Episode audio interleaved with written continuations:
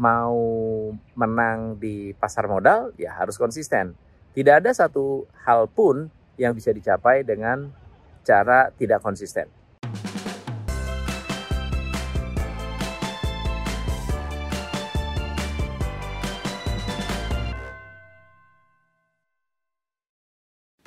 Video ini dipersembahkan oleh Kospin Sumber Rizki, solusi dana multiguna, cepat, ringan, dan mudah.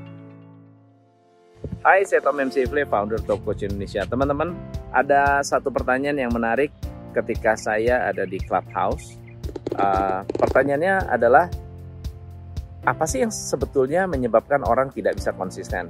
Teman-teman, ke kekuatan atau kunci dari keberhasilan banyak uh, prestasi adalah dari konsistensi. Anda mau jadi atlet, Anda harus konsisten. Anda mau jadi pemain musik, Anda harus konsisten. Anda ingin uh, menjadi pengusaha ya harus konsisten. Mau menang di pasar modal ya harus konsisten.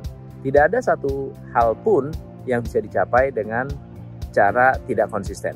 Tapi mengapa Anda sulit konsisten? Mari kita uh, lihat kasusnya. Let's say kasus yang pertama adalah Anda ikut gym, membership. Kemudian setelah ikut membership, satu bulan semangat, bulan kedua semangat, bulan ketiga mulai bolos sekali, dua kali, tiga kali, lalu kemudian akhirnya Anda bolos terus. Lalu kemudian uh, Anda tidak memiliki uh, semangat lagi, gairah lagi untuk melanjutkan uh, apa namanya untuk melanjutkan itu ya untuk melanjutkan uh, gym membership Anda. Akhirnya Anda stop di tengah jalan. Anda bermain musik. Awalnya wah semangat main gitar. Lalu kemudian ikut misalnya platform membership apa. Lalu kemudian ternyata hasilnya luar biasa. Luar biasa jelek gitu maksudnya. Luar biasa jelek. Setelah itu anda tidak mau melanjutkan lagi. Nah teman-teman uh, kalau sifatnya seperti itu, gimana Anda bisa sukses? Atau gimana Anda bisa menguasai atau memaster sesuatu karena kemauan dan kemampuan Anda untuk konsisten itu lemah sekali. Jadi, apa jawaban dari mengapa manusia tidak bisa konsisten? Walaupun tahu bahwa konsistensi itu adalah kunci keberhasilan Anda. Saya akan memberikan beberapa jawabannya. Yang pertama, orang yang tidak bisa konsisten biasanya fokus pada hasilnya. Biasanya orang yang tidak konsisten terlalu mementingkan hasil, tidak menikmati proses. Gym satu kali, angkat beban, capek, lalu kemudian langsung berhenti karena nggak mau nggak mau sakit, nggak mau capek. Kemudian yang kedua, Anda tidak memiliki goal yang menantang atau goal yang greget. Memang sih uh, punya goal, tapi kalau goalnya nggak tercapai pun nggak ada rasa sakit. Coba kalau Anda punya goal dan kalau tidak tercapai, itu sakitnya luar biasa. Anda misalnya kuliah, kemudian Anda harus meraih uh, kelulusan di waktu tertentu lalu kemudian Anda kena deadline dan uangnya sudah mau habis. Kalau sampai nggak lulus, Anda harus nunggu satu tahun lagi. Dan ini adalah sebuah uh, rasa sakit besar kalau misalnya Anda tidak mencapai hasil tersebut.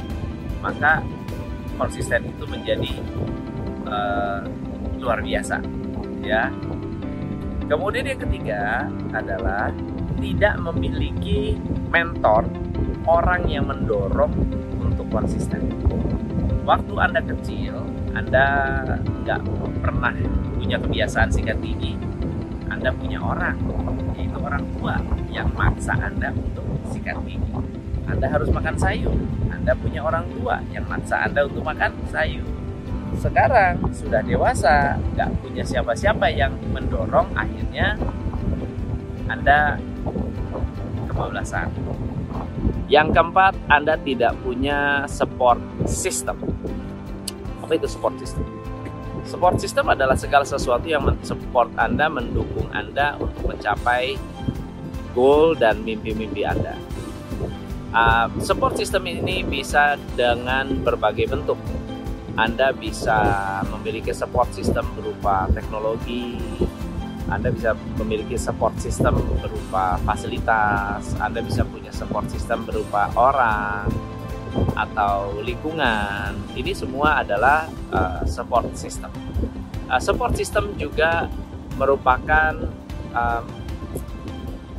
fondasi-fondasi um, penting yang membantu Anda untuk lebih konsisten. Salah satunya adalah ilmu pengetahuan. Ilmu pengetahuan adalah salah satu support system yang bisa membuat Anda lebih konsisten. Kalau Anda olahraga tidak mengerti tentang olahraga, cenderungnya Anda akan malas berolahraga. Anda ingin makan sehat, Anda tidak memiliki pengetahuan tentang makan sehat, cenderungannya Anda tidak akan makan sehat. So support system itu juga mempengaruhi uh, konsistensi Anda dalam menjalankan bisnis atau menjalankan konsistensi. Dan yang terakhir menurut saya adalah partner.